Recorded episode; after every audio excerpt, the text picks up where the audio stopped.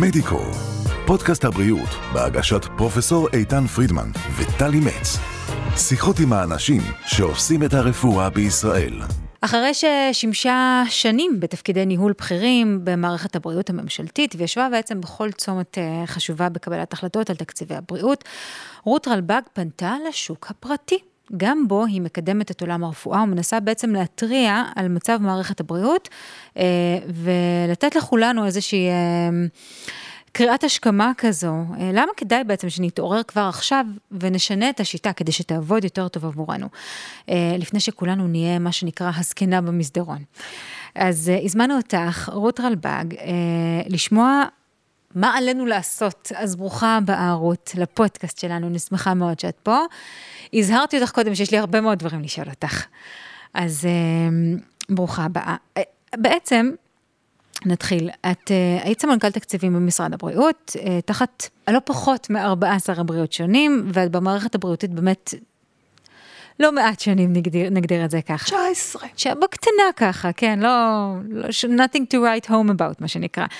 את מרגישה שיותר התקדמנו יותר, אין, אני לא רוצה אפילו להגיד הלכנו אחורה, מדשדשים במקום. איפה אנחנו, מקמיא אותנו על הציר. אני חושבת שזאת שאלה מורכבת, כי השאלה איזה פרמטרים את uh, מודדת. Mm-hmm. בסופו של יום, uh, נותנים ציון טוב למערכת הבריאות בישראל ביחס uh, לעולם. תפקוד בקורונה בוודאי שם אותנו במקום עם הצטיינות. מצד שני, התורים מתארחים והנגישות לשירותים היא בעייתית. ושיעור ההוצאה הפרטית עולה, זה אומר שבעצם המחויבות הממשלתית לחוק ביטוח בריאות ממלכתי פוחתת, אה, ודווקא האוכלוסיות המוחלשות הן אלה שמקבלות היום פחות. מבחינת זמינות רופאים בפריפריות וכאלה? הם גם פחות נהנים מהטכנולוגיות החדשות, זאת לא מערכת אה, שעומדת. זאת אחת המערכות שמתקדמות כל הזמן בגלל הפיתוח הטכנולוגי, mm-hmm. המואץ גם בתרופות, גם בציוד. אה, בידע, יש הרבה מחקר במערכת הזאת ולכן היא לא עומדת במקום. ואם אנחנו לא אה, מתקדמים עם הקצב של הטכנולוגיות האלה ובעצם האפשרויות החדשות למטופלים, אז אנחנו אה, בפועל אולי לא מצליחים להתקדם בקצב הרצוי או בקצב של מה שהאזרח שיודע היום הרבה יותר מצפה לקבל. וגם לא באמת עונה על, על הצרכים הממשיים. הוא לא, אולי זו, זו מערכת שלא יודעת לתת uh, בצורה דיפרנציאלית מה שהאדם, המטופל בסוף, באמת זקוק לו.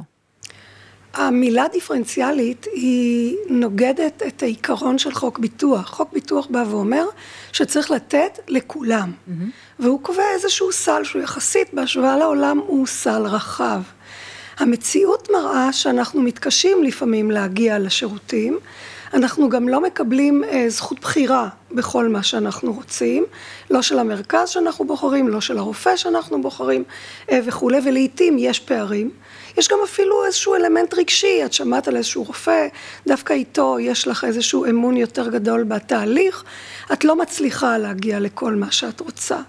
אה, ואז מה שקורה זה שמי שיש לו יכולת הולך ומוציא מכיסו וכנראה מגיע בסופו של דבר לאן שהוא רוצה, ומי שלא, לא, והפערים גדלים. זה לא תעודת עניות למערכת אה, בריאות ציבורית? כשבן אדם אה, שרוצה לקבל שירות טוב בעצם צריך להוציא מכיסו כסף? זה בדיוק ההתנגשות שבין האילוץ התקציבי, המשאבים, לבין אה, הזכות המוחלטת לבחור. אה, מדינת ישראל היא מדינה קטנה, לעבור מאזור לאזור, אם יש לך באמת איזשהו, אה, איזושהי מחלה או איזושהי באמת שאלה מאוד גדולה מבחינה בריאותית ואת רוצה להגיע למומחה שאת חושבת שהוא המומחה שיעזור לך, אז לכאורה המרחקים הם לא גדולים ואנשים מוכנים לעשות אותם. אה, קופות החולים שהן נאמנות המדינה למימוש החוק, הן זכאיות, הן חייבות להתאזן והן זכאיות לנהל הסדרי בחירה.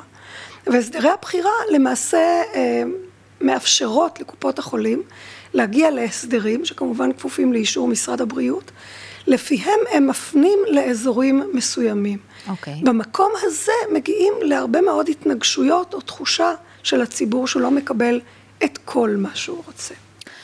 את יודעת, אנחנו, uh, הזכרתי בשאלה הראשונה שלי שבאמת uh, עבדת תחת 14 בריאות שונים. רק לאחרונה חווינו עוד מערכת אה, בחירות, ואני אנסח את זה בעדינות, אבל לא ראינו איזה מלחמה סוערת כל כך על, אה, על תפקיד אה, שר הבריאות. ראינו מלחמות נהדרות, אנחנו עדיין רואים מלחמות נהדרות ממש על תפקידים אולי שנחשבים אסטרטגיים יותר, או, או עמדות כוח יותר, יותר ממשיות. בעיניי, ולא רק בעיניי, זה תיק כל כך חשוב. כל כך מרכזי. איך יכול להיות שאנחנו לא רואים אנשים נלחמים בשיניים עליו? האמת שאני מאוד מאוכזבת מזה, במיוחד אחרי שנות הקורונה, שגם שמו את המערכת הזאת במרכז תשומת הלב ובמרכז הבמה. והייתי מצפה שהיום כל אזרח שנדרש למערכת הזאת, בוודאי בצורה יותר אינטנסיבית, וגם ראה את היכולות שלה, יבין שאנחנו צריכים להשקיע בה, שיש לנו פערים. המערכת היא בלי יתירות, ואנחנו אה, אוכלוסייה שמזדקנת. במובן הזה שתוחלת החיים מתארכת, היינו מדינה צעירה. וכמות הקשישים במדינת ישראל, קשישים, זאת מילה כבדה, אם ככה, אני גם כן קשישה, לא רואה את עצמי כל כך קשישה, אה, אבל בעלי, אה, אה, אנשים שהם מעל גיל 60 או מעל גיל 65, נגיע להיות שלושה מיליון תוך עשר, מעל קצת יותר מעשר שנים. זה אתגר מאוד גדול למערכת הבריאות ולחברה הישראלית. Mm-hmm. עכשיו, אנחנו רואים מערכות בריאות בכל העולם המערבי.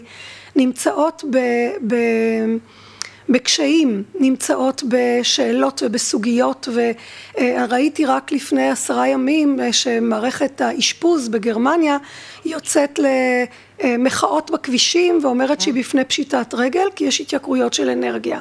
ואנחנו רואים מה קורה בארצות הברית שזאת מערכת שונה. אנחנו יודעים שבבריטניה היו לא מעט בעיות, וגם ראינו את התפקודים של המערכות השונות אה, בתקופה הזאת. מערכת הבריאות בישראל היא מערכת טובה, יש בה אנשים טובים מאוד. הבעיה היא שיש פערים ב, אה, בעצם במשאבים שהוקצו לה mm-hmm. ובדרך חלוקתם ובעיקר בהיערכות התכנונית לעשר עשרים שנה הבאות. זהו, שזו נקודת מפתח. זה באמת אה, מקום שמאוד מאוד צריך, שצריך להשקיע בו הרבה משאבים כדי, זה נראה כאילו אין שום רגע שבו נעצרים ואומרים, אוקיי, בוא נחשוב מה הלאה, בוא נתכנן לטווח הארוך, זה באמת כאילו מערכת שעסוקה בכיבוי שרפות כל הזמן. אנחנו נמצאים עם הוצאה לאומית לבריאות של כשבעה וחצי אחוז. כדי לסבר את האוזן, מדינות כמו גרמניה, צרפת, אנגליה נמצאות סביב 11 אחוז. יותר מזה, החלק הפרטי מתוך ההוצאה הלאומית במדינות האלה עומד על בין 15 ל-20 אחוז, ומדינת ישראל הוא כ-35 אחוז. וואו. עכשיו הבעיה היא באמת המגמות, ואם אנחנו לא נערך בצורה מתוכננת, אנחנו עשויים לחוות אה, משבר מאוד גדול, ואנחנו בינואר 22 היינו מאוד קרובים לזה. בגל החמישי של הקורונה, כן. זה היה שיא של עומס בקהילה, ומצד שני גם היו לא מעט מאושפזים. Mm-hmm. המזל היה שזה מאושפזים קלים יחסית, ולא מאושפזים של טיפול נמרץ. אבל אם היינו ממשיכים עוד שבועיים באותו קצב, לא, לא, לא בלתי נמנע שהיינו מגיעים אה, לשבר ולא היינו מסוגלים לקלוט את כולם. עכשיו הציבור מודע לזה, איכשהו בתת מודע הוא מודע לזה. אני חושבת שהסיבה... ובסוף הוא מגיע לבתי החולים בעצמו בצורה כזו או אחרת, הוא או מקורביו, ורואה את המצוקה האמיתית שהם מתמודדים איתה. אז למה הקוטג' מוציא אותנו לרחובות? והדיור מוציא אותנו לרחובות, או מוציא אותנו להרבה מאוד תסכול ברשתות החברתיות או בכל מקום שיש בו דיונים. ומערכת הבריאות לא עושה את זה. אנחנו לא מצליחים להגיע לתודעה, לא של האזרח, ולצערי גם לא בתוך שולחן הממשלה, לא כי המערכת לא חשובה, לא כי היא לא נוגעת בכל אחד ואחד מאיתנו כל החיים. בדיוק. כל יום, בילדינו, בהורים שלנו, בעצמנו. זאת מערכת שהיא נוגעת בנו, היא לא תיאורטית, היא לא רחוקה, נכון. היא לא באה ואומרת, טוב, עוד עשרים שנה נגיע לזה. אולי היא הכי פחות תיאורטית מכל שאר המערכות. נכון, ולכן במידה מסוימת, יש פה שאלה גדולה.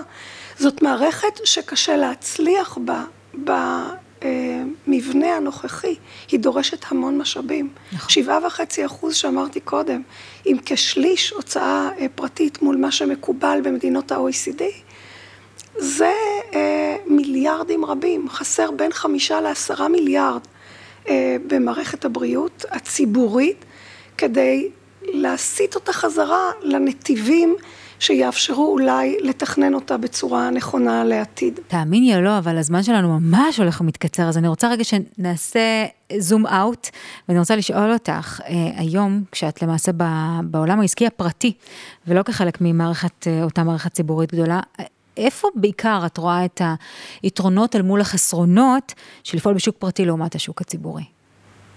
יש תשובות קלות, כמו תהליכי קבלת החלטות, mm-hmm. הפרמטרים שבהם את מודדת.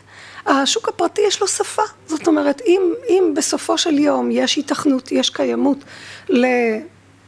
לאיזושהי אה, יוזמה, אז את מקדמת אותה. Mm-hmm. אה, יש גם יכולת אה, בסוף לממן אותה, את הולכת למערכת הבנקאית, הולכת לבעלי ההון או הכסף המוסדי, ואת בסופו של דבר בשפה הזאת של משהו שיש לו התכנות כלכלית, יכולה להתקדם יחסית מהר. Mm-hmm.